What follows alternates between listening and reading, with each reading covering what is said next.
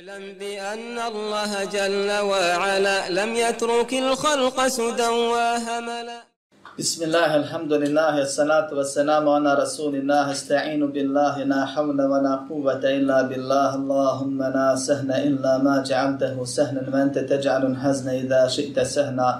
اللهم أرنا الحق حقا وارزقنا اتباعه. وأرنا الباطل باطلا وارزقنا اجتنابه. ولا تجعل الحق ملتبسا علينا فنضل. اللهم آت نفوسنا تقواها وزكها. أنت خير من زكاها. أنت وليها ومولاها. برحمتك يا أرحم الراحمين. ربنا لا تزغ قلوبنا بعد إذ هديتنا وهب لنا من لدنك رحمة. إنك أنت الوهاب. اللهم اجعلنا هداة مهتدين غير ضالين ولا مضلين. اللهم إنا نعوذ بك من مضلات الفتن. ما ظهر منها وما بطن. اللهم توفنا مسلمين وأنت راض عنا والحقنا بالصالحين. اللهم وفقنا لما تحب وترضى وخذ بنواسينا للبر والتقوى.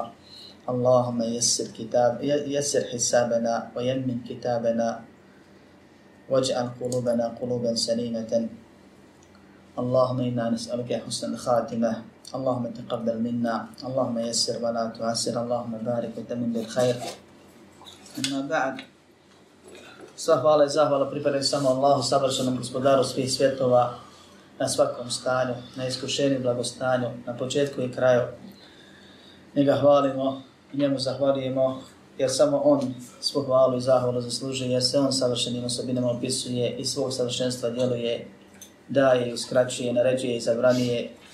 Od njih pomoć oprosti uputu tražimo, koga Allah uputi napravi putome, nema zablude, koga Allah milostivi, sveznajući, mudri, pravedno u zabludi ostavi tome, nema ni pomagača ni upućivača, za njih ne treba žaliti i njemu nema i žene izbavljivača.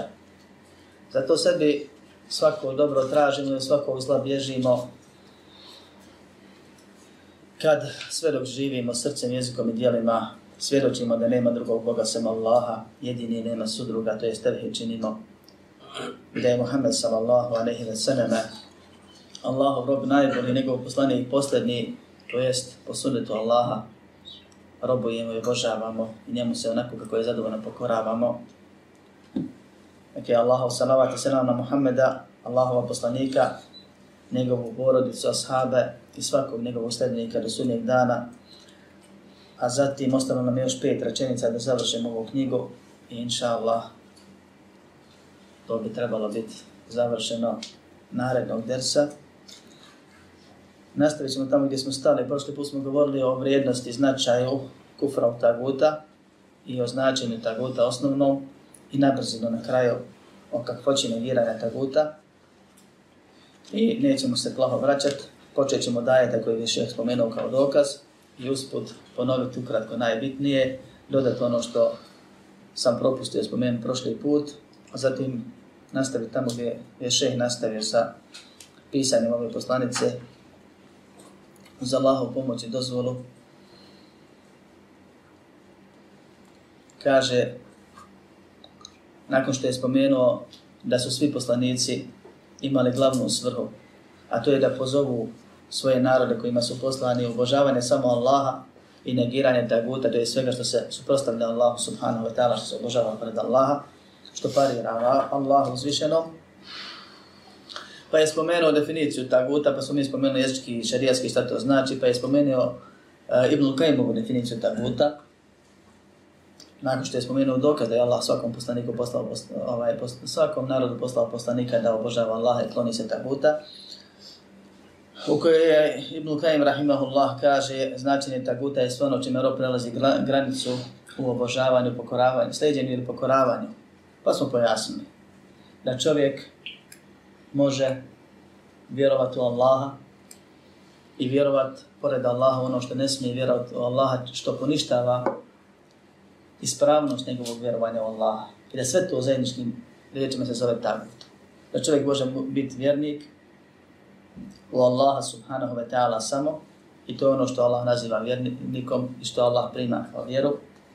I može biti vjernik u Allaha i vjerovati u nešto drugo pored Allaha I to Allah ne naziva vjernikom, nego se to zove mušrikom, kafirom, munafikom, zavisno od toga šta obožava i šta Allahu pridružuje i na koji način to čini, u što vjeruje. Pored Allah subhanahu wa ta'ala.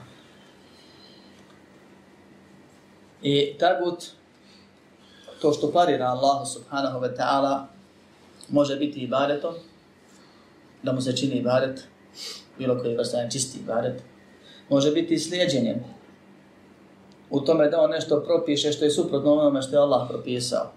Bilo se radi o zakonima, o ideologijama, o idejama, o obavijestima o onom svijetu i tako dalje. Ili u pokoravanju. Da ti dozvoli nešto što je Allah zabranio, pa ti smatraš dozvoljenim, ko biva ima i on pravo dozvoliti sad u ovom novom vremenu. Ili zabrani nešto što je Allah dozvolio, pa ti smatraš zabranjenim. Ili čovjek smatra zabranjenim. Ne da čini. Razlika između nevjerstva i vjerovanja u ovom slučaju je svako čini od nas grijehe. I mi znamo svoje grijehe svi. Samo Allah bolje od nas znaš naše grijehe. Ali sve dok nije smatraš grijehom i sebe griješnikom, ti si griješnik.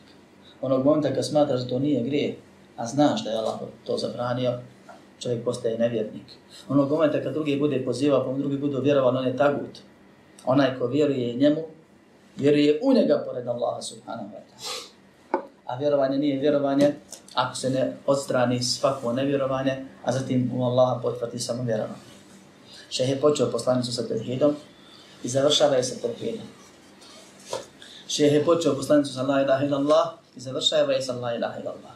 Jer je naša vjera građena na tome. I to je temelj temelja u našoj vjeri. A tevhid je šta?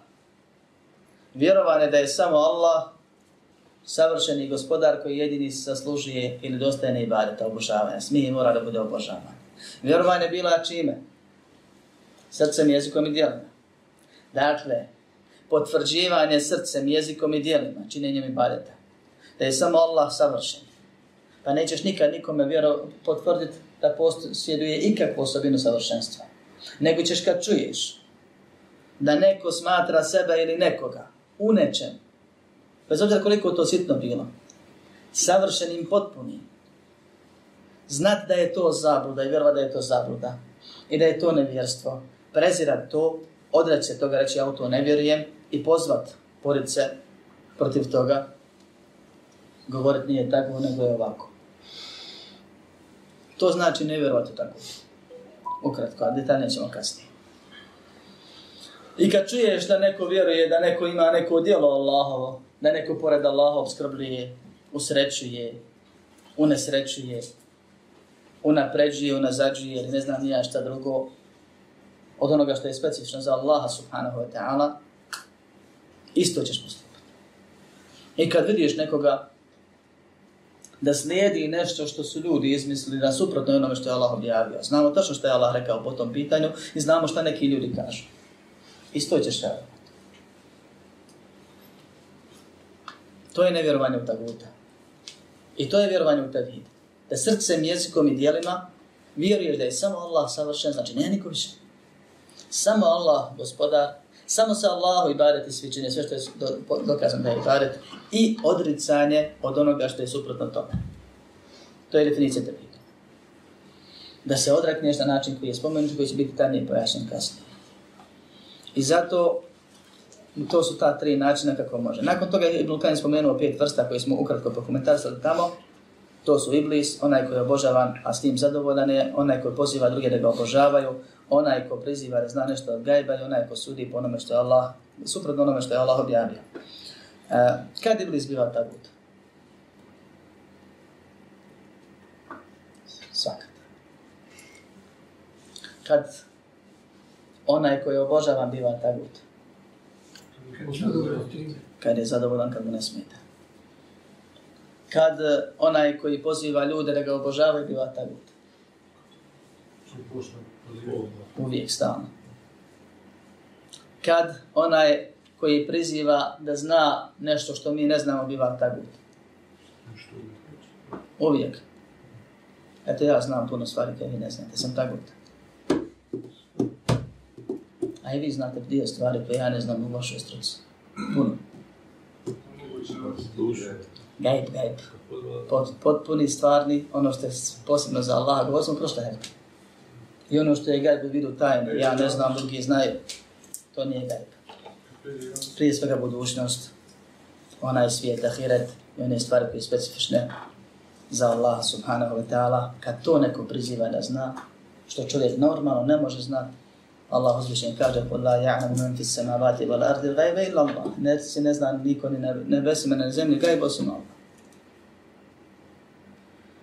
za poslanika alaihi salam kaže وَلَوْ كُنْتَ أَعْلَمُ الْغَيْبَ لَسْتِكْثَرْتُ مِنَ الْخَيْرِ وَمَا مَسَنِيَ السُّوء Recim kad bih ja znao gajb, budućnost, puno bi dobra pribavio, svako bi zlo izbjegao. Čim znam će nešto biti opasnost, zaobiđeš, zaštitiš se i tako dalje. Pa niko sem Allaha subhanahu wa ta'ala ne zna te stvari. Prije svega kad se govori o budućnosti, tako je najlakše ovo shvatiti. Kad onaj ko ne sudi po Allahovom zakonu biva tagut. Šarijet. Kad priznaje šarijet, on smatra da ima nešto. Kad smatra da može suditi, da je to nije problem, da to nije grije. Ukratko. Da je to, on nije griješan. Bilo da smatra boljim od šarijeta ili ravnim šarijetom, ili to ne smeta, šarijat je ispravan sve fino i ovo je njegovo ispravno ili neko ko je izmislio. Isto se odnosi na sve ideologije koje su izmišljene. Zato ne može čovjek biti musliman demokrata, musliman komunista, musliman kapitalista, u tom smislu razumiješ, a može koristiti komunizam i demokratiju i kapitalizam za ono što je vezano za dunjalog. Kad biva musliman demokrata, kad vjeruje u demokratiju da je ispravno. Allah je propisao šta je ispravno i šta je ispravno. A dok je koristi nije ne. I ovdje su mnogi koji imaju Allah uzove vjeru i pamet pogriješili oko ovih stvari, a hvala da govorit ćemo kasnije detaljnije. Ako ne sad, onda u, kad budemo komentarisali dijela koja izvode iz vjeru za Allah pomoć. Šeh je spomenuo dokaz i kaže La ikraha fi dini kad tebejene ruštu min al-gajdi fe men jekfor bit taguti wa yu'min billahi fa kad istemseke bil arvati l-vuthqa lam fisama laha wallahu sami'un alim. I ovo mi smo govorili kratko prošli put i zadržat se na ovim bitnim stvarima. Kaže Allah subhanahu wa ta'ala nema prisjene u vjeri, u vjeru, a ima u vjeri. Pravi put se razlikuje od neistine ili zablude. I Allah subhanahu wa ta'ala ovdje pravi put naziva ruštom. A rušt znači istina, ispravno, razumno, pametno. A zabluda ovdje naziva gajnjom. To je posebna vrsta zablude Gora od običnog dalalata. Dalalet je kad ne znaš šta je pravi put, pa se jedan boriš, ideš i grabiš krivi putem, onda ćeš ti do pravog cilja. Jer ide gora stvar od toga, kad ti znaš, a nećeš da priznaš, prihvatiš, da vjeruješ, pa ideš, radiš suprotno toga, uz znanje, jer je jako pretpostavku da su ti na krivom putu. Neko ti je već rekao. Pozvao te. Svjesno kontriranje istini, još gore a ono podrazumio sebi da lalete. Jer mnogi koji ne znaju da su htjeli da se najvo saznali, Allah nije uskratio mogućnost spoznaje pravi, pravog puta nikom. Allah naziva pametnim, razumnim stvarima pravi put, a redjem, totalnom zabludom, neistinu i nepravi put. I ovdje se odnosi na tevhid i širk, na islam i na islam. Allah isla, islam naziva razumnom stvari, a sve što je suprotno islamu naziva totalnom zabunom, nejasnoćom, nemarom, inatom, srljanjem. I razni su izrazi korišteni na drugim mjestima. Nema ništa pametnije za čovjeka da radi za svoje dobro i protiv zla sebe. A zlo i dobro su, što bi rekli arabi, procentualne stvari. Umorni zbija. Relativne stvari kod nas kažu imamo apsolutno zlo i apsolutno dobro. Imamo stvari onako koje su privremeno manje ili veće zlo ili dobro. Imamo aspekt ili tačku gledišta. Nešto ja smatram dobrima, ti ne smatraš, ili ja smatram zlima, ti ne smatraš. Zavisno o čemu govorim.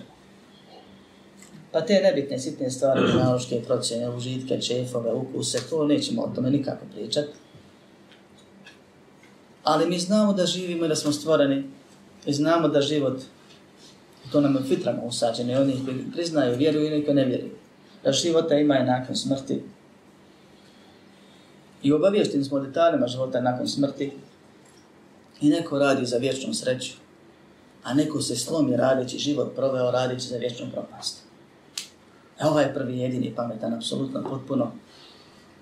I onaj drugi nije pametan, da ne kažem drugačije, ako Allah se direktno izražava. Totalno. Nema nima pameti. Jer radi za vječnu propast. I Allah prvo naziva ruštom, ispravnom vjerom, istinom, pameću, razumnom stvari. Upravo zato što je to najkoristnije i najpametnije čim se čovjek može baviti. Islam. A sve što je se kosi sa islamom je totalno loše, totalno zlo i nikako nije pametno čovjek koji se time bavi jer ga to vodi nakon kratkog vremena života, kratak, u vječnu propast i bolnu patnju za koju Allah kaže toga dana niko neće okivati kao on i niko neće mučiti kao on. Svaki grijeh koji vodi u ovom pravcu je totalno nerazumna stvar.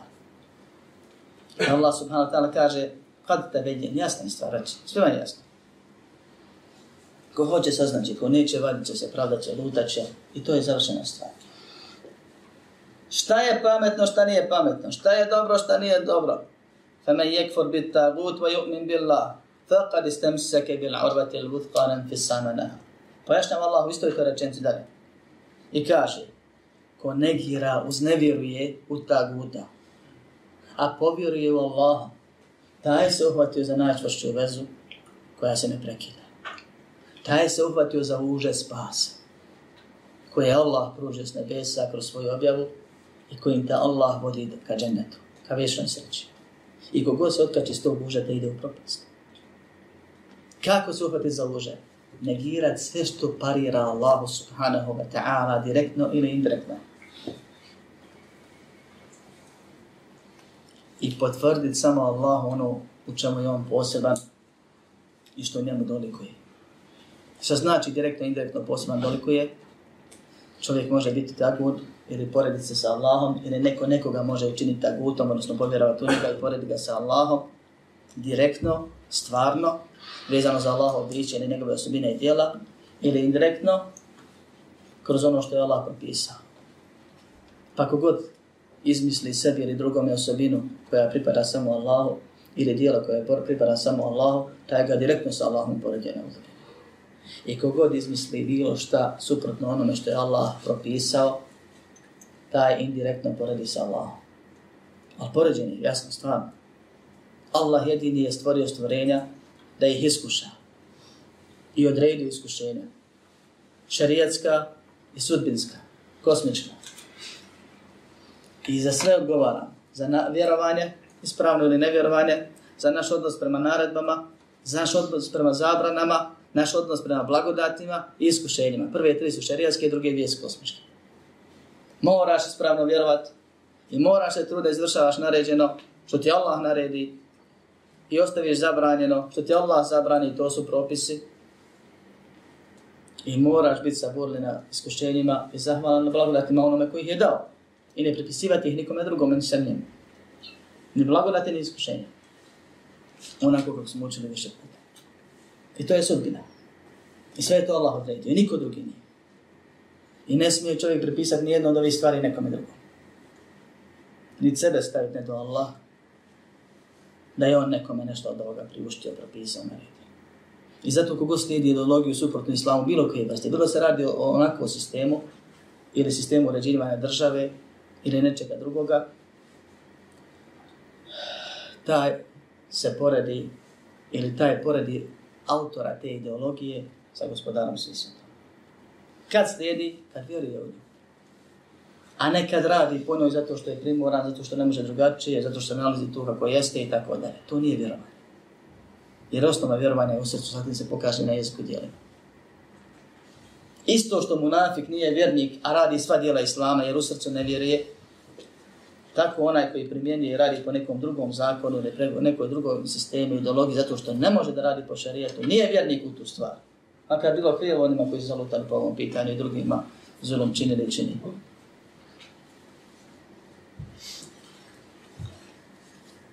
Kaže, ko negira taguta, pa povjeruje u Allaha. U ovom ajetu ima nekoliko jako veliki koristi. Prvo, da postoji istina i postoji zabuda. Drugo, da ne postoji ništa treće ili si napravio mene na krivom putu. Treći, da je pamet, razum, ispravno, uspije na strani istine. I da je sve drugo nerazumno, neispravno, upropoštavajuće. Četvrto, da je istina građena na odrecanjem od svih vidova neistine, a zatim primjenjivanjem istine vjerujući u nju. Da vjeruješ da je istina istina i da je koliko možeš primjenjuješ. A da se prethodno odrekneš od sve, svih vidova neistine. Jer istina ne prihvata primjesu. Najveća istina je tevhid. Pa je zato je spomenuo prvo nevjerovanje, to je spražnjenje od onoga što je neispravno, jer u jednoj posudi srcu se ne mogu spojiti pravi kufr i pravo vjerovanje. To je kod Allaha sve nevjerovanje. Da isprazni srce od neistine, da se odrekne neistine svih vidova. I ovdje vidi isto pravilo općenito odricanje u osnovi, a zatim pojedinačno kad saznaš, spoznaš, iskušan ti ne budeš. Jer mi ne možemo nabrojati zablude koje postoje na zemlji. I Allah nas nije obavezao da se odrećemo ni ta guta je poimenično, ni tih sistema poimenično, pojedinačno, jer ne znamo ni kakvi sve ima i gdje što sve ima. Ali znamo da sve što se suprostavlja Allahovom savršenstvu, gospodarstvu, ibadetu, pravo na iskušavanje i propisivanje, da je neistina. Sve to smatramo da vodi u džehennem, one koji umru na tome da idu u džehennem, mrzimo to, a to što je suprotno onome što je Allah i borimo se protiv toga onako, protiv toga onako kako je propisano. I to je odricanje toga. Da smatraš da je to zabluda. Kaže, tamo je kvor biti tagud ko ne vjeruje u taguta. Ne vjeruje i smatra da je zabluda i da oni koji su na tome da su zabludi i mrzi to ne voli zato što je osnova kod čovjeka, kamoli kod vjernika, da voli istinu i njene sljedbenike, da mrzi zabludu i njene sljedbenike i žali i bori se protiv toga, poziva u istinu, a odvraća na istinu. To je borba koja je propisana u ovom slučaju. A iz nje proizelaze sve drugi vidove onako kako su propisane, onda kad su propisani u šarijetu. Femen jekfur bit tagut, ko negira taguta, dakle zna da je to zabluda. Što? A to što je prepoznao na osnovu pravila. Zna šta je istina i sve što se kosi istine i zabluda. Naučio je istinu. Pa je preko nje upoznao sve vidove na istinu. I povjeruje u Allaha. Allahu samo prepiše istinu. La ilaha ina Allah. Nema Boga dostojnog obožavanja. Nema Boga koji zaslužuje, koji zaista jeste božanstvo. Nema Boga koji mu se ibadet smije ili mora i treba činiti osim Allaha. A ne bi bio Bog da nije savršeni gospodar. Pa je tevhid, da se opet vratimo po ko zna koji puta novu definiciju, ovo nisu razlike, samo pojašnjavanje sto puta na sto načina kako biste shvatili i mogli vi svojim rečima sutra prenijeti. Vjerovanje da je Allah savršeni gospodar koji jedin služi i bare, to je jedna od najčešća smo govorili. Tevhid je obožavanje Allah zato što je savršeni gospodar. Jer nema niko savršen, nema niko gospodar. Jer obožavanje Allah kaže, ne kaže samo vjerovanje u smislu našem bosančkom, mi mislimo da je vjerovanje negdje u mozgu, nije ni u srcu kod mnogih. Nego samo je to da znaš da je nešto ispravno. Pa i kad sumnjaš, hajde, ne znaju ljudi da ti sumnjaš. Vjerovanje je u srcu, na jeziku i dijelima. I Allah to napisiva robovanje, i naziva obožavanje, i naziva pokoravanje, i naziva vjerovanje. Jer vjerovanje znači djelovanje. I tu se pokazuje i dokazuje vjerovanje. Kao što je u hadijskoj kšeje kasnije spomenuo. Dokaz između ostalog. Pa kažemo obožavanje Allaha vjerujući da je on savršen gospodar koji jedini služi obožavanja. Ne se odrećemo od svega onoga što su prostavlja tome. Jer da ima još neko savršen gospodar i on bi zasluživao da bude obožavan. Ko ne vjeruje u taguta i vjeruje u Allaha, vjeruje da je samo Allah savršen gospodar koji zaslužuje ibadet, pa samim tim čini ibadet samo Allahu, a odriče se od ibadeta bilo kome samo Allahu subhanahu wa ta'ala, a ibadet je u steđenju, ibadet je u pokoravanju, nije ibadet samo klanjanju i naklinjanju i moljenju, dovljenju tako dalje. Faqad istamsaka bil arwati al-wuthqa, uhvatio se za najčvršću vezu koja se neće prekinuti. Wallahu sami'un alim. Allah je onaj koji sve čuje i sve zna. Ovi takozvani tefsiri se zovu repovi ajeta, završetci ajeta su jako bitni, jer oni pojašnjavaju ajet ili pojačavaju značenje ajeta ili njima Allah upozorava na bitnost onoga što je u ajetu spomenuto. Pa Allah kaže Allah sve čuje, Allah sve zna. U Allah nije spomenuo da se pohvali, nego da tebe i mene i svakoga onoga koji čuje ajetu upozori. Pazi kako vjeruješ, pazi šta govoriš među svijetom, pazi šta pričaš ili misliš kad si sam, jer Allah, pored toga što sve čuje, i sve zna. I njega prevarit nećeš. Ako stvarno u sebi vjeruješ da samo Allah je savršen, da je samo Allah gospodar, ili samo Allah služi ibadet, i samo Allah ibadet činiš javno i tajno, i samo Allah propisuje, pa se njegove propisa držiš koliko možeš, ti si od onih koji su vjernici. Ako ne vjeruješ u ovo srcem, griješćeš jezikom i dijelima i da ne pogrešiš srce najbitnije, Allah čuje šta kažeš i zna i vidi šta radiš. I ovo je prijetnja svima da moraju negirati ta guta, da se moraju negirati sve što se Allahu suprostavlja direktno i indirektno, sve što se poredi sa Allahom, i da moraju samo Allahu pripisati i potvrditi ono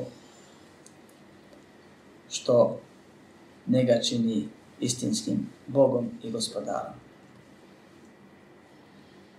Kaže šeh, hada ma'na la ilaha ila Allah. Ovo je značenje la ilaha ila Allah. Šta je značenje la? Negiranje, nevjeranje u taguta, vjerovanje u Allah.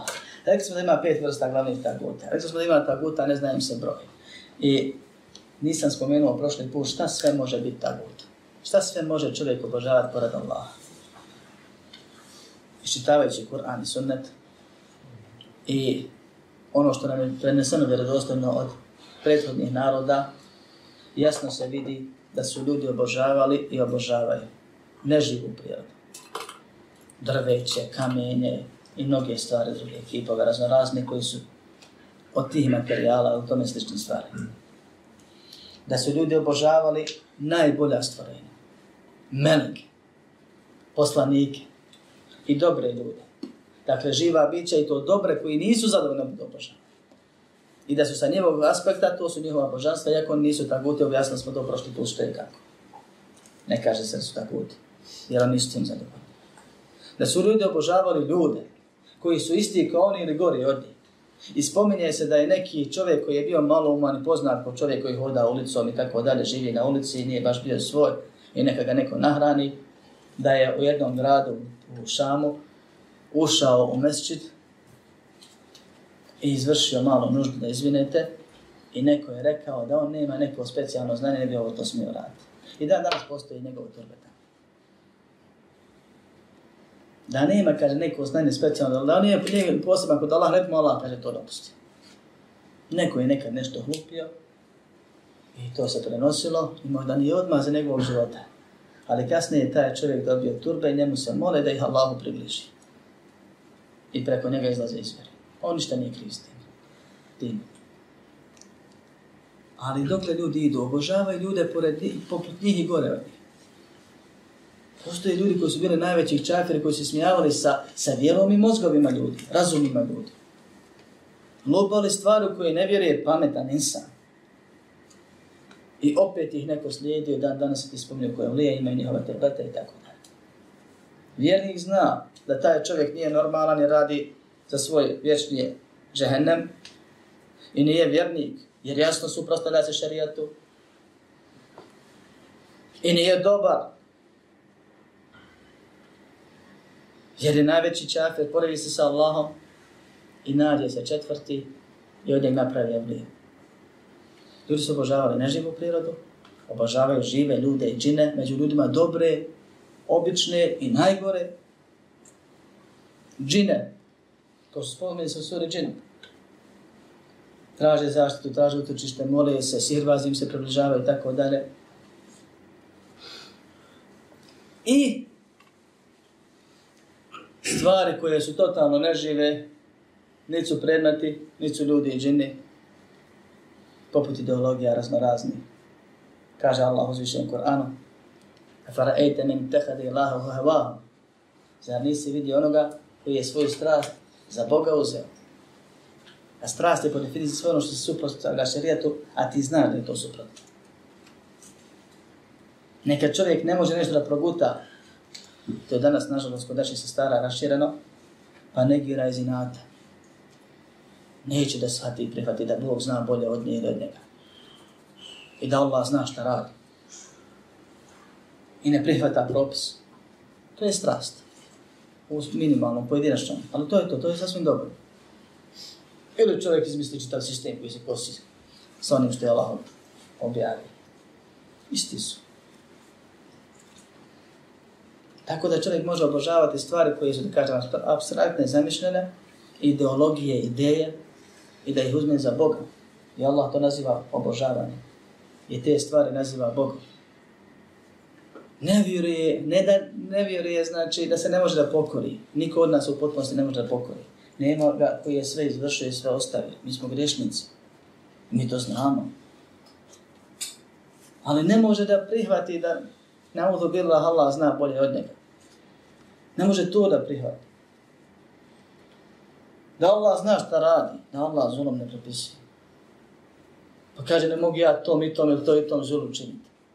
Nije Allah zulom propisao. Ne mogu ja ovo ili ono. Ne može to tako. Ko vi da zabranjujete? Šta ja znam šta su to Arapi objavili, prisali, tuvača. I mnoge, mnoge druge stvari. Priznat grije je vrlina i prvi korak ka oprostu. Predat se grijehu, umre s njim je opasnost privremena. Greška. Negirat grijeh je kufr. To je problem, ako znaš da je grijeh. Nije to problem. Grijeh ide na usta, iz usta, kako već kažu. Ide iz usta, ne ide na usta tome slične stvari. Pričao sam prošli Ti stvarno vjeruješ u to? Ja kuranski zabranio se to i to ne. Ni da traži neko tumačenje. Šta god da doneseš ti se suprostavio Allahu direktno. Koji god alternativu da spominješ, što je za to, to je ovo, to je ono, ti se suprostavio direktno. Kaže, ovo je značenje la ilaha ila Allah, Allah kaže u Kur'anu, la ilaha, nema Boga, negira, illa Allah, potvrđuje Allahu božanstvenost. Da je Allah istinski Bog, zato što je stavršenje gospodar, zasluže i badet. Pa je da razimiramo još jednom, nevjerovanje taguta biva tako što će znat i čvrsto vjerovat ne sumnjati da je to zabluda, zabluda vodi u džahenne, da je to nevjestvo. I da je onaj ko se sa Allahom poredi direktno ili indirektno u osobinama ili u propisivanju, da je on vođa, a oni koji njega vjeruju su nevjernici, na zabludi, ti koji idu u džahennem. Prezirat to i borit se protiv toga onako kako je to propisano. Radom po istini, ustrajnošću na istini, upozorenje na zabludu, izbjegavanje. Zato je došlo ne abudu Allah, da samo Allah obožate, već teni bud ta bud, da u drugom čošku tako ta ostavite. To znači istina. Džanib, džanib on tamo u jednom čošku, a ti u drugom skroz, bježiš na drugu stranu. Se kloniš tako, tako da se prevodi, ali na taj način se kloniš. Ima drugi izraz za klonicu u arabskom, Allah je upotrebio taj. Jer je on najjači i najbolje pojašnjava ono što Allah hoće od nas. Značenje la ilaha ila Allah je dakle da se samo Allah obožava i da se odreće obožavanje od obožavanja svega sem njega. Nakon toga šeh kaže u fil hadith, a došlo je kaže u hadisu, re'sul emri al islam, wa amuduhu sanah, wa zirvatu sanamihi al džihadu fi sabili Allah, hadis bil džahmi tirmizi i vjerodostojni, yani, inša Allah. Kaže Allahu poslanik alaihi salatu wa salam, glava stvari, ili mi bi najradije rekli, na naški, glavna stvar. Znaš li šta je najbitnije? el islam. To je islam. Jer stvoreni smo da budemo muslimani, Allahu pokorni i da u džennetu vječno uživamo, osim oni koji opet. Za njih je Allah džahennem pripremio. I napomenuo nas da će nam biti većina. glavna i najbitnija stvar je el islam. Islam u užem smislu riječi. Islam građen na ispravnim temeljima. Islam koji podrazumijeva la ilaha ila Allah Muhammedun Rasulullah. Ili ešhedu an la ilaha ila Allah anna Muhammeden Rasulullah. I dva te desa smo najmanje potrošili objašnjavajući. Ko je svjedok, kad svjedok biva svjedok, kad je priznan svjedok, kad nije svjedok. Šta znači posvjedočiti? Jel to biva samo jezikom? Ili samo srce? Ili srcem, jezikom i dijelima? Jel dovoljno posvjedočiti pa kasnije sve to negirati? Ili se moraš toga pridržavati da bi bio ispravan, validan svjedok? Da ne promijeniš iskaz? I tako dalje, i tako dalje. Kaže, glavna stvar je islam. A islam je Ovdje se cilja ono što je objavljeno Muhammedu a.s. islam mužem smislu riječi, jer i to smo govorili, islam ima dvije definicije i dva značenja, a ne u islamu širijem smislu riječi, ono što je od Adema do sudnjeg dana objavljeno poslanicima, iako je ista osnova. Ali nas tiče, kao što nas, nam je bitno la ilaha ila Allah, jednako nam je bitno Muhammedun Rasulullah. Glavna stvar je la ilaha ila Allah, Muhammedun Rasulullah i ono što iz toga proizilazi, što se čovjek time obaveza i zašto će ga Allah pitati na sudnjem danu. I onaj kome nije islam ispravan, taj nema glavu. Makar ima ostale stvari. Kaže, glava stvari je islam. Ili glava uspjeha, glava vjere je islam, oni temelj islama, šehadet. I zato kaže, vidio sam, maša Allah, brata suneta. Od suneta primjenjuje i ono što mi ne radimo. Ima, kaže, izgled i odjeću, ovako i nako. Maša Allah, čvrst upoznaš brata Sunetliju, vidiš da je to, recimo, tabligija. A ja znam neke od njih da čine više vidova velikog širka. I govorio sam spominjao sam vam šeha koji tvrdi da je sjedio sa Allahom u džennetu i s poslanikom, ali nam i ovo će i ovo i ono i razne mjeste širkova. Ako je šeh, jedan od šehova, jednog džemansk, teblijskog džemana. I taj čovjek koji ima vanštinu sunneta, da kažem 100%, iako braća ne znaju pa misle da je to sunnet neke stvari koje nisu, bilo kako bilo. Taj čovjek se ne smije nazvati sunnetlija ako nije muslima. A ako čini širka, Allahu nije muslima. I džaba mu ovo što ima. Ja sunnet nije sunnet ako nije na tevhidu. Muhammeden Rasulullah ne vrijedi bez la ilaha ila. I ako klanja ne naziva se namažnjim, i ako posti ne naziva se postačom. Ako znamo da čovjek nije uvijek. Kao što znamo i svi u to ne sumnjamo, kad bi neko došao sa muslimanima, on je nemusliman i rekao, hoću ja s vama da postim Ramazan, niko od muslimana koji znaju osnove svoje vjere ne bi rekao, sad je čovjek musliman. Ni ga nazivao postačem. Rekli bi ispostio Ramazan s nama. Znamo da ga to ne uvodi u vjeru. Što? Nema osnovi. Nema temena, nije primio islam. Ili je primio pa poništio, ko što je u. I zato kaže, glavna stvar je islam, glavna stvar je islam građan u tevhidu, glavna stvar je tevhid, glavna stvar je odricanje od neistine potvrđivanje srcem, jezikom i dijelima do smrti prave, jedine, apsolutne istine.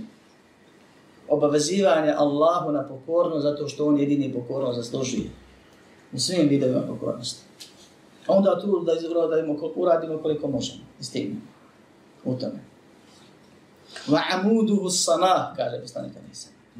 A stup te glavne stvari, onaj centralni, na kojem je šator stoji, kao što kažu učenjaci, poslanik Alaihi Salam je poredio vjeru sa šatorom, je namaz.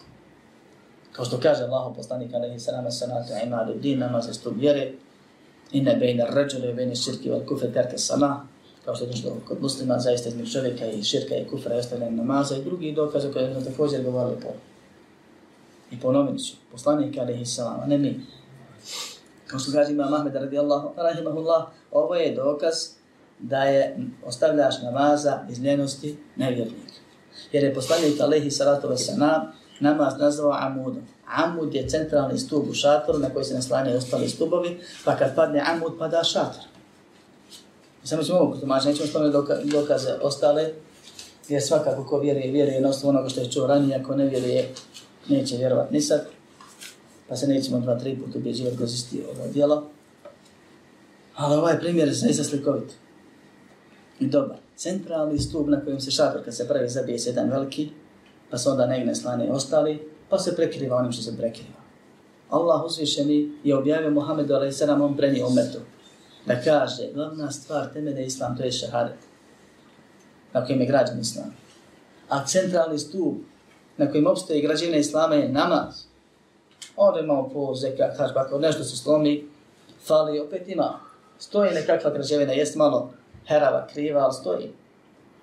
Može se zavući, može se sloniti od vječnog džahennema u ovom slučaju. I taj šator nas čuva od džahennema. Pa ako, ako treba, sačuvat će to u potpunosti.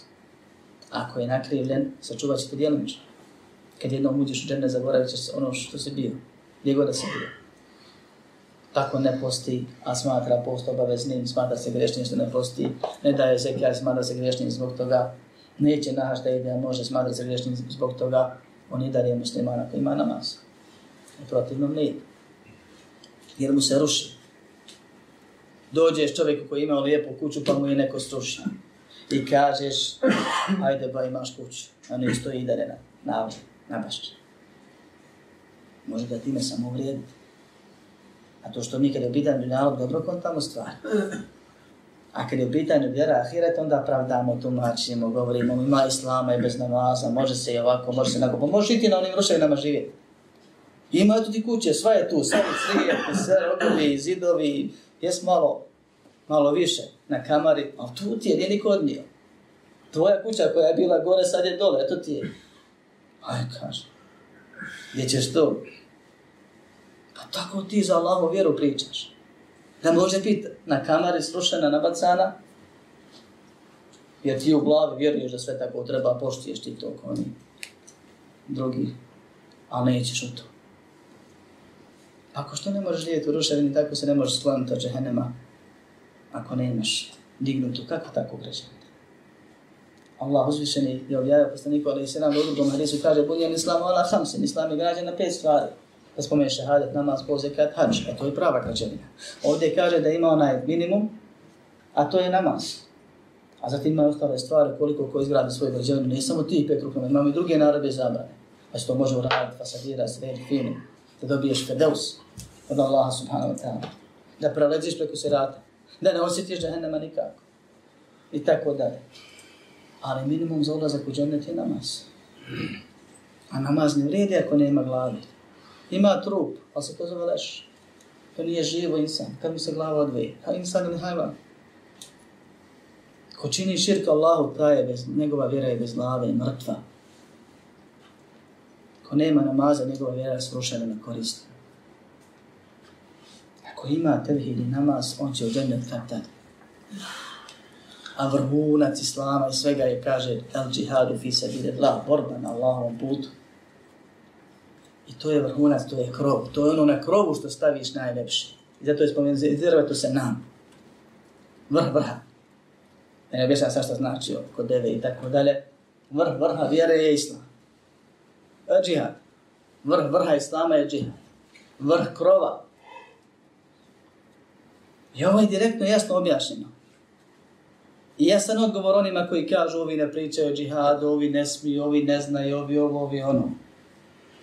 Nije vjera krov, nije kuća krov, nije kuća dimnjak, nije kuća oluk.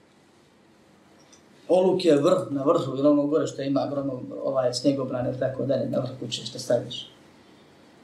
To je potrebna stvar, to je vrhunac i to se stavlja kad se izgradi sve. Kaže ja sam Selefija džihadlija i to je pravi put. A šta sam ja? Selefija namazlija. Ili šta drugo? Jesi sunetle ili nisi? Sunet je cijela vjera. Kad se posti, posti se, kad se klanja, klanja se. Kad je propisana borba, bori se, mi ne bježimo od toga.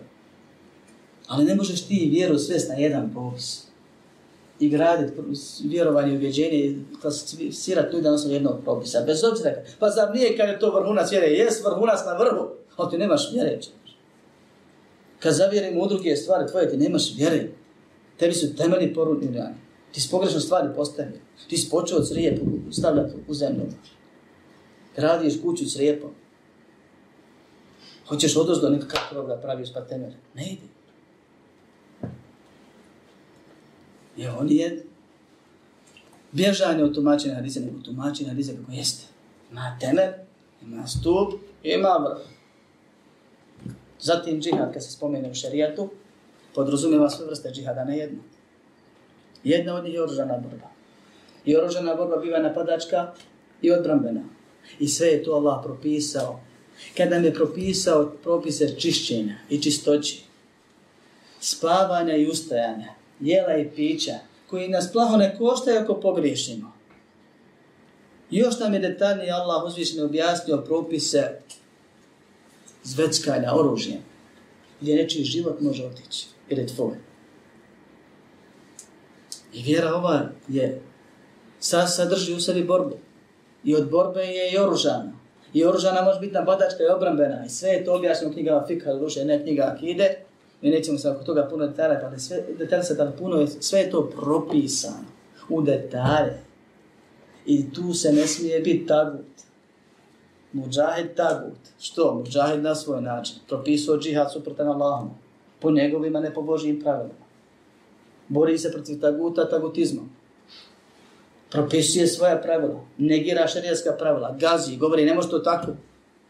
Ako je tako, ne može nikad primijeniti. Ja ovako. Ne mogu ja čekati. Ja ne znam ja šta. Svašta smo se naslušali u svijetu i u regionu. Prodokli 20 godina. Ne može se klanjati potvom. Postit potvom dove učit potvom, zikrit potvom, ne može se ni boriti. Ni riječju, ni dijelom potvom. Nego ima sve propisano. Zato kaže el džihad, borba, džihad, fi se bini Allah, na Allahovom putu. Pa sahabi pitaju, ko je to na Allahovom putu? Pa poslanik ali sam kaže, ne, ne kaže svako ko puca, nego objašnjava kad, ko, ko se bude borio, da Allahova riječ bude gornja, a riječ drugih bude donja i to onako kako je propisano. Pa čovjek pogine u borbi, a poslanik da kaže nije šehid. Što? Nije bilo ili radi Allaha, ili nije bilo po Allahovim pravilima. Pa je bilo neskreni, a bilo i neispravni. I jedni i drugi idu u vatru, iako su život dali u džihadu vidjet ćemo primjere ko onaj ko se sjeća ili ko zna kako su neki, one, za koje je poslanik Ali sam rekao da su vatri, pa vidimo da su neki bili neiskreni, a drugi neispravni. Uradili neke stvari kako borbe koje nisu u redu. Pa umjesto da ide u džennet, on mora da odgovori za to. Što je radio i uradio. Druga stvar, džihad se dijeli osnovi na džihad sa sobom i džihad s drugima, veliki i mali da veliki i mali, dobro ste čuli. Ili najveći veliki i mali, možemo i tako reći. Allah subhanahu wa ta'ala kaže u suri Al-Furqan فَلَا تُتِعَ الْكَافِرِينَ وَجَاهِدْهُمْ بِهِ جِهَادًا كِبِيرًا Nemoj se, kaže, o poslaniće, pokoravati nevjernicima. I bori se protiv njih velikim džihadom. U kontestu govora o muhraficima komentatori kažu ovaj se odnosi na borbu sa zabludjelim Kur'anom. I ovdje veliki džihad znači boriti se Kur'anom, ne uzeti fizički pa se odrat s nekim ushafom, nego se boriti Kur'anom. I Allah to, ne neki učenjak što zamotaje i govori šta vladarima godi, kao što neki kažu, nego Allah u Kur'anu to naziva velikim džihadom. Znači ima ima veliki, ima ima najveći džihad je borba protiv neistine objašnjavajući istinu, pobijajući njihove dokaze i spominjujući dokaze za istinu. I to je ono što Allah naređuje poslanikom što naziva veliki džihad. I to je sadržano u Koranu i ono što je proizvali iz Korana, suneta i tumačenja koranskih ajeta. I to je osnova džihad. I to je vrhunac vjere. Time se vjera prije svega štiti. Jer ako se vjera iskrivi, do te mjere da više nije vjera da je fali glava. I da li će se oni boriti ljudi ako ih ko napadne. I da li će se ti ljudi širiti. Ali to nije džihad. To je borba rat. Vjera se prije svega mora štiti da se ne mijenja. I širiti onim argumentima. A zatim ima ono što je propisano širijetu onako i onda kad i kako je propisano od borbe za onoga ko bude njom iskušan. I historija je jedan od dokaza da oni koji se najčešće pozivaju i najviše pričaju o stvarima kojima dorasli nisu, da njima budu iskušani i da na njima padnu na dva načina. Bilo da pobjegnu skroz, da nađu argumente da to nije tako treba validno pa ne treba učestvovati, ili da učestvuju na svoj način pa pravi više štete nego koristi pa budu tereti problem. Ali o tom potom to je druga tema. Ovdje je pojenta da ovaj hadis na koji se mnogi pozivaju, gdje poslanik kada se kaže da je vrhunac ili krov vjere, mi kažemo jeste krov, ali krov dolazi nakon temelja, iz zidova, iz pratova, onako kako je propisan da štiti, da bude krov. I borbu na Allahovom putu je Allah propisao s ciljem štićenja i širenja vjere. Bilo ono jezikom, argumentima ili ono oružjem.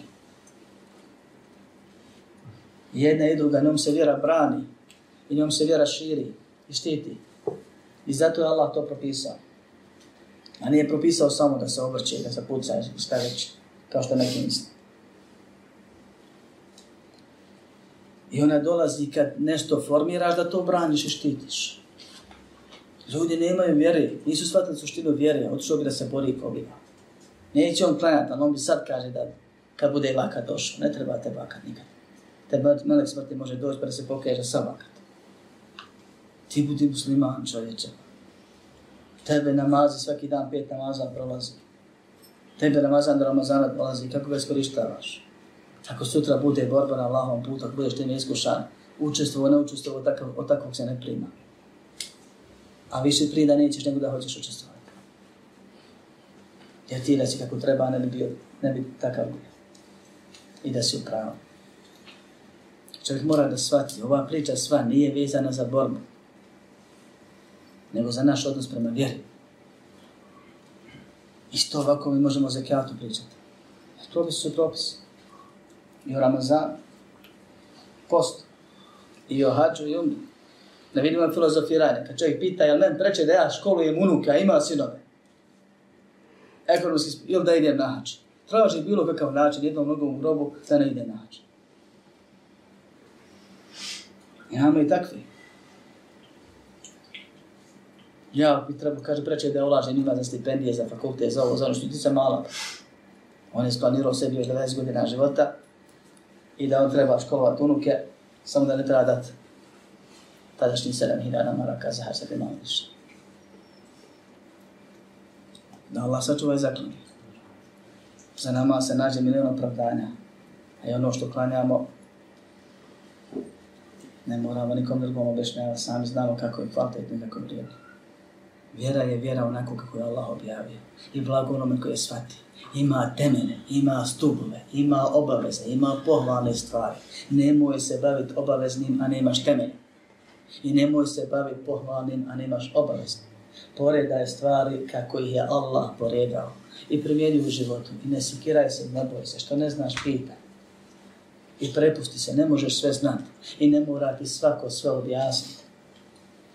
Hoćeš da shvatiš ono što ja shvatam. Budem, brate, 12 godina uči. Sad ćeš možda i bolje. Ili jednostavno prihvati haram je haram zato što smo ti rekli da je haram. Ili halal je dozvoljeno. Nemo pita što je kako. Tebi nema logike.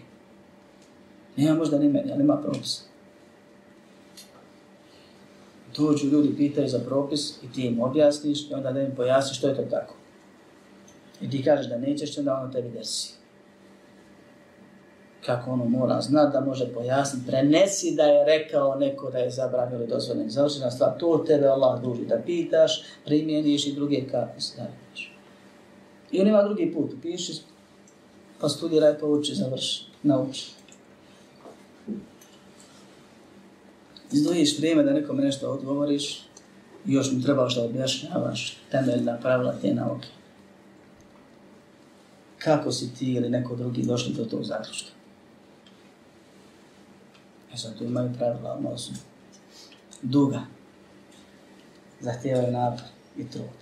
Dok onaj kome Allah dao uputu i shvatio vjeru i temeljne stvari odradio, završio, nema ovih problema, nema ovih svesa. Uči, saznaje, primjenjuje, što mi jasno pita, zahvali se dragom kad sazna. Ako ga opomeneš, zahvali ti se. Jer si ga popravio. Ne pecka ga, ne boli ga, ne ljuti se i tako dalje. tako je Allah opisao vjernike. I ne pameti, ne čupa hadis tamo negdje iz konteksta i kaže evo dokaz za ovo ili za ovo. Jer ne znaš da li ima još drugi hadis koji ga pojašnjava, sigurno ima. I ne sumnja učene ljude. Jer Allah je rekao, ako ne znaš, pitaj učenje, mora ih biti koji ti znaju odgovoriti. Nije Allah ne znao, pa iz neznanja rekao. Allah je znao da će biti učenih koji ti možeš pitati. I on ih je stvorio i odredio i sudbinom propisao da će se pojavljivati u svakom vremenu i prostoru prije nego ti je to spomenuo i Kur'an objavio. I kad ti Allah uzvišen i rekao, pitaj učene, mora biti učenih. I zato čovjek se treba opustiti po ovom pitanju. Islam je građen na temeljima, temeli su stubo, Islam ima stubove, temele, dodatne bitne stvari i pohvalne lijepe stvari. Sve građane ima na drugim. Stubovi na temeljima, obavezne i bitne stvari na stubovima, a ostale ko fasada okolo. I čovjek treba da učenje vjere, jer to ne dolazi usno, nauči šta su najbitnije stvari i da od prioriteta počne, jer tako je počeo Allah subhanahu wa ta'ala u Koranu i tako je počeo Muhammed sallallahu alaihi wa sallam i Allah je Muhammedu alaihi sallam Allahom poslaniku objavio prvo tevhid, a zatim namaz. I poslanik alaihi sallam je tako pozivao ashabe i kada je slao druge da pozivaju, govorio im isto tako da prvo pozivaju šahadat i tevhid, a zatim namaz, zekat, post, hađ, a zatim ostale stvari I ovaj hadis, pored toga što ukazuje da ima temelj i da imaju stubovi bitni, bitni od bitnih ili bitnih od bitnih, i da imaju pohvalne stvari i da imaju vrhunske stvari, ovaj hadis također nam ukazuje da je vjera, vjerovanje, djelovanje i žrtvovanje. Vjeruješ ispravno, to je temelj. I obavljaš namaz ako treba, stup držiš, da ne padne ti to i žrtvuje se onako kako je Allah propisao, pa ako treba i životom. Zato je spomenuo tevhid i namaz i borbu na Allahom putu. I to je suština naše vjere. Da ovaj život provedemo tražeći Allahovo zadovoljstvo kroz pokornost njemu, a pokornost biva izrašavanje svega što nas se tiče Allah nam je naredio, jeste na svega što je Allah zabranio, a nas se tiče. Kažem, namjeru nas se tiče, jer postoji narode izabrane u šarijetu, one stoje tu uvijek, a ne odnose se sve na svakog. Imaju propisi za žene, imaju propisi za muškarce, imaju propisi za Ramazan, imaju propisi van Ramazana, imaju propisi za slabe, imaju propisi za jake. I tako dalje, i tako dalje. Pa čovjeka kad se nešto tiče, onda je to obavezno. Allah subhanahu wa ta'ala propisao džihad ko vrhunac. A u početku bio zabranjen. Što? To što su živjeli u mekanskom periodu. Pa bio dozvoljen kad su odšli u Medinu. Dozvoljeno da se brane koji ko napadne. Pa dozvoljeno da napadaju one koji su ih napali, da im uzvrate. I koji prekrši. Pa onda općenito dozvoljeno da mogu kad su stasali kod država. I kogo se nađe u nekom od tih stanja, na nek se odnosi takav propis. I tako je i sa namazom i ostane stvarima. Nije isti namaz putnika i namaz onog kod kuće. Nije isti zekijat onoga koji nije obavezan i onoga koji jeste obavezan. I nije isti, ista količina, makar bio isti procenat onome koji ima manje i više. I sve se razlikuje. Pa kad se nešto tiče od vjere, Allah te naredio, dužan si da izvršiš i grešan se ako. I kad se nešto ne tiče od vjere u tom smislu, znači da se odnosi, na to mislim tiče, ovaj, Allah zabranio, dužan si da to ostaviš i grešan se ako to radiš i moraš učiti i znati, a nećeš moći sam ništa saznat, ni skontat, ni protomačiti, ako to ne bude također putem kojeg je Allah propisao. Ako Allah da, sljedeći djel ćemo završiti posljednje dvije rečenice koje su ostale u vidu dove koje je še spomenuo. Time ćemo uz Allahu pomoć deseti puta završiti komentar ove knjige. Hvala Allah na svakoj blagodasti. Alhamdulillah, wassalatu wassalamu alaikum. بأن الله جل وعلا لم يترك الخلق سدى وهملا.